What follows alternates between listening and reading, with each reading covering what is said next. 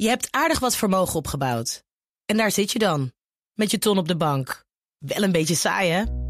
Wil jij, als belegger, onderdeel zijn van het verleden of van de toekomst? Bridgefund is een slimme fintech die een brug slaat tussen de financiële behoeften van ondernemers en van beleggers. Dus wie belegt bij Bridgefund krijgt niet alleen een mooie vaste rente, maar brengt ook ondernemers in beweging. Echt waar, met die ton kan je zoveel betere dingen doen. Bridgefund. Make money smile. Zaken doen. Thomas van Zeil. Van automatisering tot ZZP-wetgeving, van loonkloof tot hete herfst, van energiecrisis tot woningcrisis. Hoe staat de Nederlandse economie er eigenlijk voor? En welke impact hebben internationale ontwikkelingen?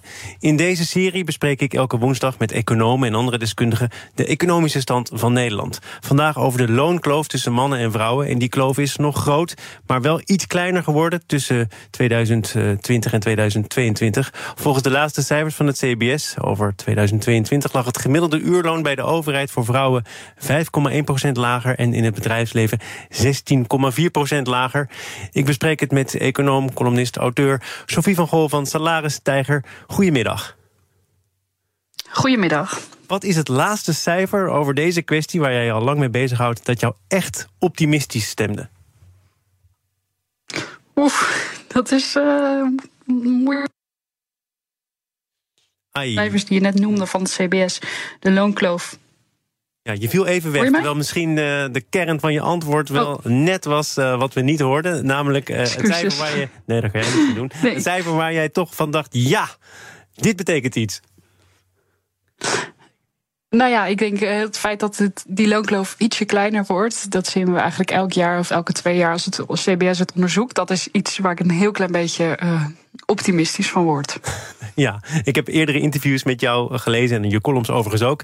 En jij zegt je kunt ieder cijfer zo door de mangel ja. halen dat er weinig van overblijft. Uh, is dat dan ook een beetje wat hier gebeurt?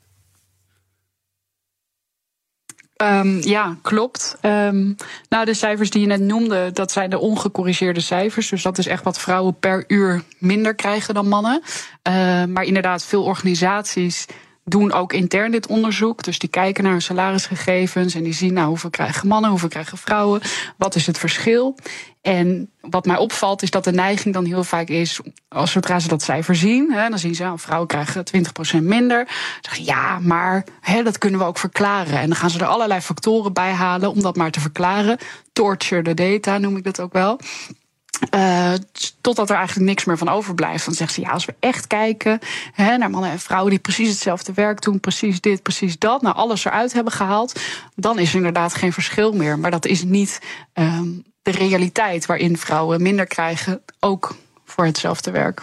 Maar jij kent dus ook veel organisaties, bedrijven die wel degelijk bereid zijn om daar in ieder geval onderzoek naar te doen, om dat probleem misschien wel te onderkennen. Ja. Nou ja. Uh, dat tweede durf ik wel te betwijfelen. Maar het onderzoek, ja, dat, dat zie ik steeds meer. Dat gebeurt steeds meer. Uh, het probleem is alleen. Um, dat heel vaak er niet zoveel gebeurt met die uitkomsten. Zeker als de, de resultaten niet bevallen, dan is de neiging vooral: oké, laten we het verder onderzoeken en laten we meer vragen stellen en laten we het rapport ergens in een la verstoppen. In plaats van uh, dat ze de resultaten zien, erkennen dat er een probleem is, wat er meestal is, um, en dat proberen aan te pakken. En waarom uh, bestaat dit probleem überhaupt nog in 2024? Um, ja, dat is een goede vraag. Ik denk dat het, ja, het heeft heel veel verschillende oorzaken. En dat maakt het ook lastig om op te lossen. En wat je vaak ziet bij organisaties is ook dat het zo is gegroeid, hè, die ongelijkheid over de jaren. Dus het begint vaak al bij de eerste baan. Krijgen vrouwen vaak al minder, ook omdat ze lager worden ingeschat. Ze worden ook anders behandeld als ze onderhandelen over een salaris. Um, ik sprak laatst een keer een vrouw die zei. Um, was, ging helemaal goed voorbereid haar salarisonderhandeling in. Die was hoog opgeleid, medisch specialist, klaar met de opleiding. Toen vroeg ze om een bepaald salaris. En toen zei de tegenpartij tegen haar: Ja, maar jij hebt dat toch niet nodig? Jouw man verdient toch ook goed? Dus ik denk dat dat is heel hardnekkig. En als ik die anekdote deel ik soms als ik lezingen geef. En dan zeggen, komen er altijd vrouwen naar me toe en zeggen: Ja hoor, heb ik ook meegemaakt. Dus ik denk dat, hoewel we misschien geloven dat we heel progressief en vooruitstrevend zijn, dat er toch nog heel hardnekkige overtuigingen zijn dat mannen verdienen om het geld te verdienen, om, ja, om geld te werken om geld te verdienen, om hun gezin te onderhouden, om de vaste lasten te betalen. En als vrouwen werken is dat leuk, maar toch een beetje voor erbij. Um, en dat die, hoewel veel mensen dat denk ik niet zo bewust zullen geloven, dat dat idee toch nog best hardnekkig is. En dat dat dus op heel veel manieren doorcijpelt en zich uit in die loonkloof. Um, en dus dat is één belangrijke factor. En het andere is denk ik dat als je dat eenmaal hebt in je organisatie of in je bedrijf, die ongelijkheid, dan is het best moeilijk en kostbaar om dat te gaan corrigeren. Dus dat heel veel bedrijven daarom liever een beetje hun ogen sluiten en denken, nou, hè, als niemand er naar vraagt, dan laten we het maar gewoon zo. Uh, als we het al gaan onderzoeken, nou, dan proberen we dat ook niet te veel te delen, want ze weten gewoon dat dat heel veel geld gaat kosten. nou ja, als het, als het veel geld kan gaan kosten, als dat naar buiten komt. Stel, je hebt het onderzocht. Ja. Uh, je hebt een probleem geconstateerd, wat als ik jou goed volg, vaak toch wel aan de orde is. En je wil daar toch als uh, werkgever, en je hebt het te maken met een krappe arbeidsmarkt, en je wil er goed op staan. Wat moet je doen morgen? Ja. Nou ja, je moet die verschillen gaan corrigeren. Dus als je erachter komt dat vrouwen te weinig krijgen voor hetzelfde werk, dan ben je ook wettelijk verplicht ja, om ze evenveel te betalen als hun mannelijke collega's. Dus dat kun je gaan corrigeren en moet je eigenlijk ook doen wettelijk. Um, en het andere is het, ja, de basis goed krijgen. Dus zorgen dat er meer transparantie komt over salarissen. Zorgen dat als je mensen nieuw aanneemt, dat je dan uh, dat altijd checkt. Hoe valt dat salaris vergeleken bij de rest? Zit hier geen loonkloof in die we niet uh, logischerwijs kunnen verklaren? Uh, en je kunt ook dingen doen in het sollicitatieproces. Dus transparant zijn over de salarissen in vacatures, dat helpt. Maar bijvoorbeeld ook niet vragen uh, naar het laatst verdiende salaris dat iemand heeft gekregen. Want we zien ook uit onderzoek blijkt dat dat ook die loonkloof in stand houdt. Eh, je noemt overigens ook die wettelijke verplichtingen. Uh, voor gelijk werk moet ook gelijk beloond ja. worden. Als dat al zo is, mm -hmm. hoe kan het ja. dan zo zijn dat dat probleem ja. zo manifest blijft? Ja. Ja, dat is inderdaad, staat al in de wet in Nederland al sinds 1975, dus bijna 50 jaar. Maar in de praktijk ja, gebeurt er heel weinig. En dat komt onder andere omdat de uh, bewijslast daarvoor ligt bij de werknemer. Nou ja, werknemers weten meestal niet hoeveel uh, hun collega's verdienen. Dus als ze ongelijk worden beloond, weten ze dat in heel veel gevallen niet.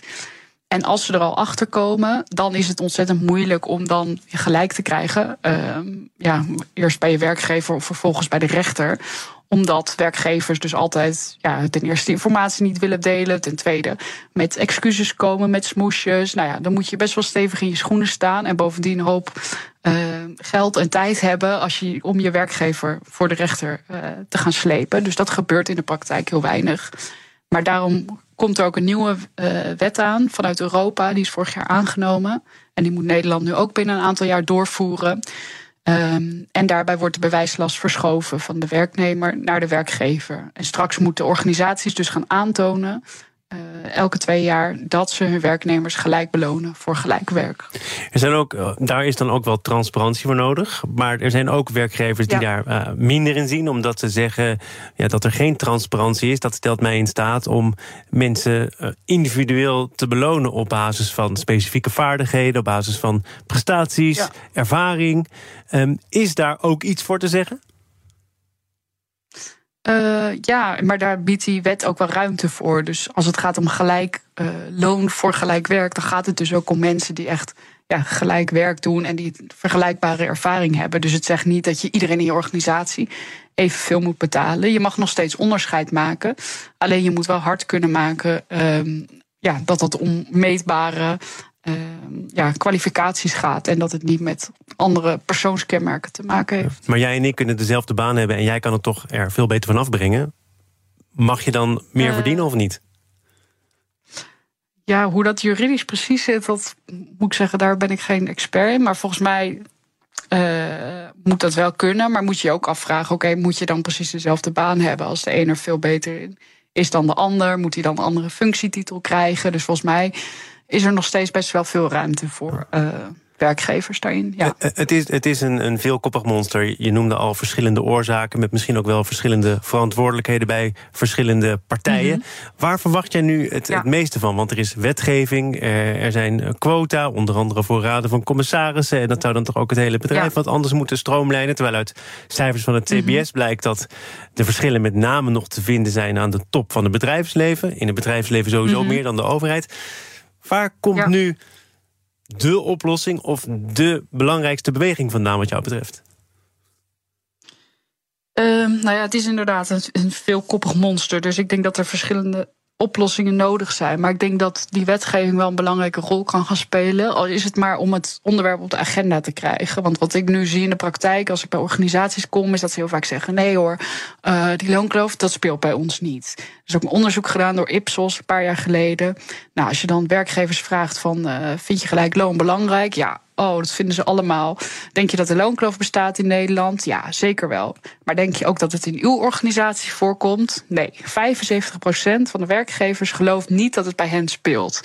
En ik denk die, die nieuwe wetgeving die moet daar wel verandering in gaan brengen. Al is het maar omdat het verplicht wordt om het te meten en te rapporteren. Dus ik denk dat dat een eerste stap is. En ik denk ook, die wet gaat ook meer uh, macht geven aan werknemers. Dus die krijgen het recht op informatie, die bewijslast wordt verschoven.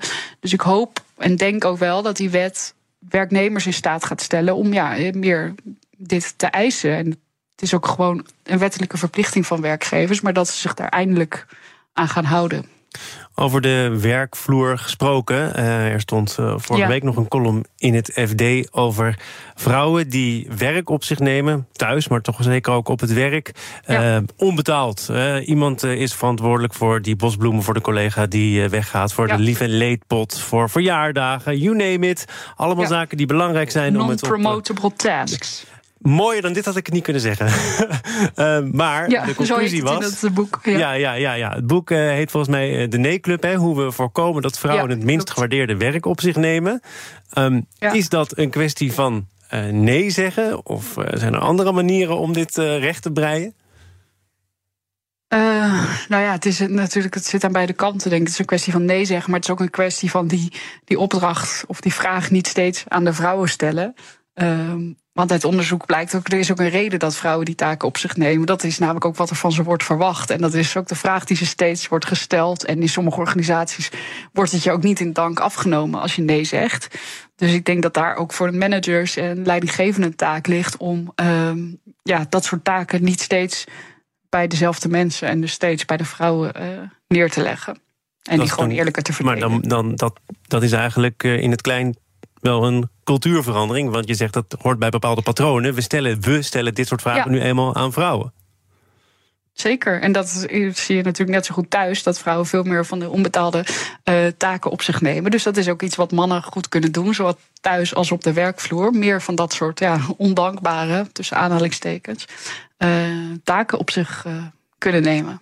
Tot slot naar uh, het voorstel van een man die uh, ook een tijdje ziekenhuisdirecteur is geweest. Marcel Levy, nu uh, directeur-president van de NWO. Die pleit al langer voor langere diensten, waardoor je fulltime kunt werken in minder dagen. Bijvoorbeeld vier keer tien uur zou in de zorg een goede oplossing kunnen zijn. Daar heeft hij zich natuurlijk op toegelegd. Um, is dat uh, voor vrouwen ook een manier om uh, ja, voltijd te kunnen werken. Wat ook vaak terugkomt in deze discussie. Ja, vrouwen doen uh, veel deeltijdwerk. Het is geen glazen plafond, maar mm -hmm. een, een, een, vloer ja. betegeld met deeltijdbanen. Zit, ja. zit hem dat nou, ook in dat soort dingen? Ik denk dat het wel belangrijk is om te benadrukken, ook die cijfers die je aan het begin noemde. Dus dat vrouwen per uur in het bedrijfsleven 16% minder krijgen. Um, dat gaat dus niet om deeltijdwerk. Dat is al een uurloon. Hè? Als je gaat kijken naar wat vrouwen per jaar minder verdienen, dan zit je wel op 35%. Dus dat is wel heel belangrijk om um, te benadrukken. Um, dus ik denk die loonkloofdiscussie heeft ja, het heeft er ermee te maken, maar ook vrouwen die voltijds werken verdienen veel minder per uur. Dus ik zie daar niet zozeer een oplossing. En ik denk dat heel veel mensen, zeker in de zorg, als ik dat zie om me heen, al uh, vaak al meer uren werken dan hun contract ze voorschrijft. Dus ik weet niet of daar nou echt een oplossing in zit. Oké, dit uh, idee van een man uh, schuiven we terzijde. Sophie van Gol, econoom, ja, auteur van sorry. het boek... Ja, nee, maar het moet zeker kunnen. Uh, auteur van het boek Waarom vrouwen minder verdienen... en wat we eraan kunnen doen. Dank voor dit gesprek. De economische stand van Nederland wordt mede mogelijk gemaakt door Peet. Het platform om facturen sneller en eenvoudiger betaald te krijgen. Uiteraard. Je hebt aardig wat vermogen opgebouwd. En daar zit je dan, met je ton op de bank. Wel een beetje saai, hè? Wil jij, als belegger, onderdeel zijn van het verleden of van de toekomst? Bridgefund is een slimme fintech die een brug slaat tussen de financiële behoeften van ondernemers en van beleggers. Dus wie belegt bij Bridgefund krijgt niet alleen een mooie vaste rente, maar brengt ook ondernemers in beweging. Echt waar. Met die ton kan je zoveel betere dingen doen. Bridgefund. Make money smile.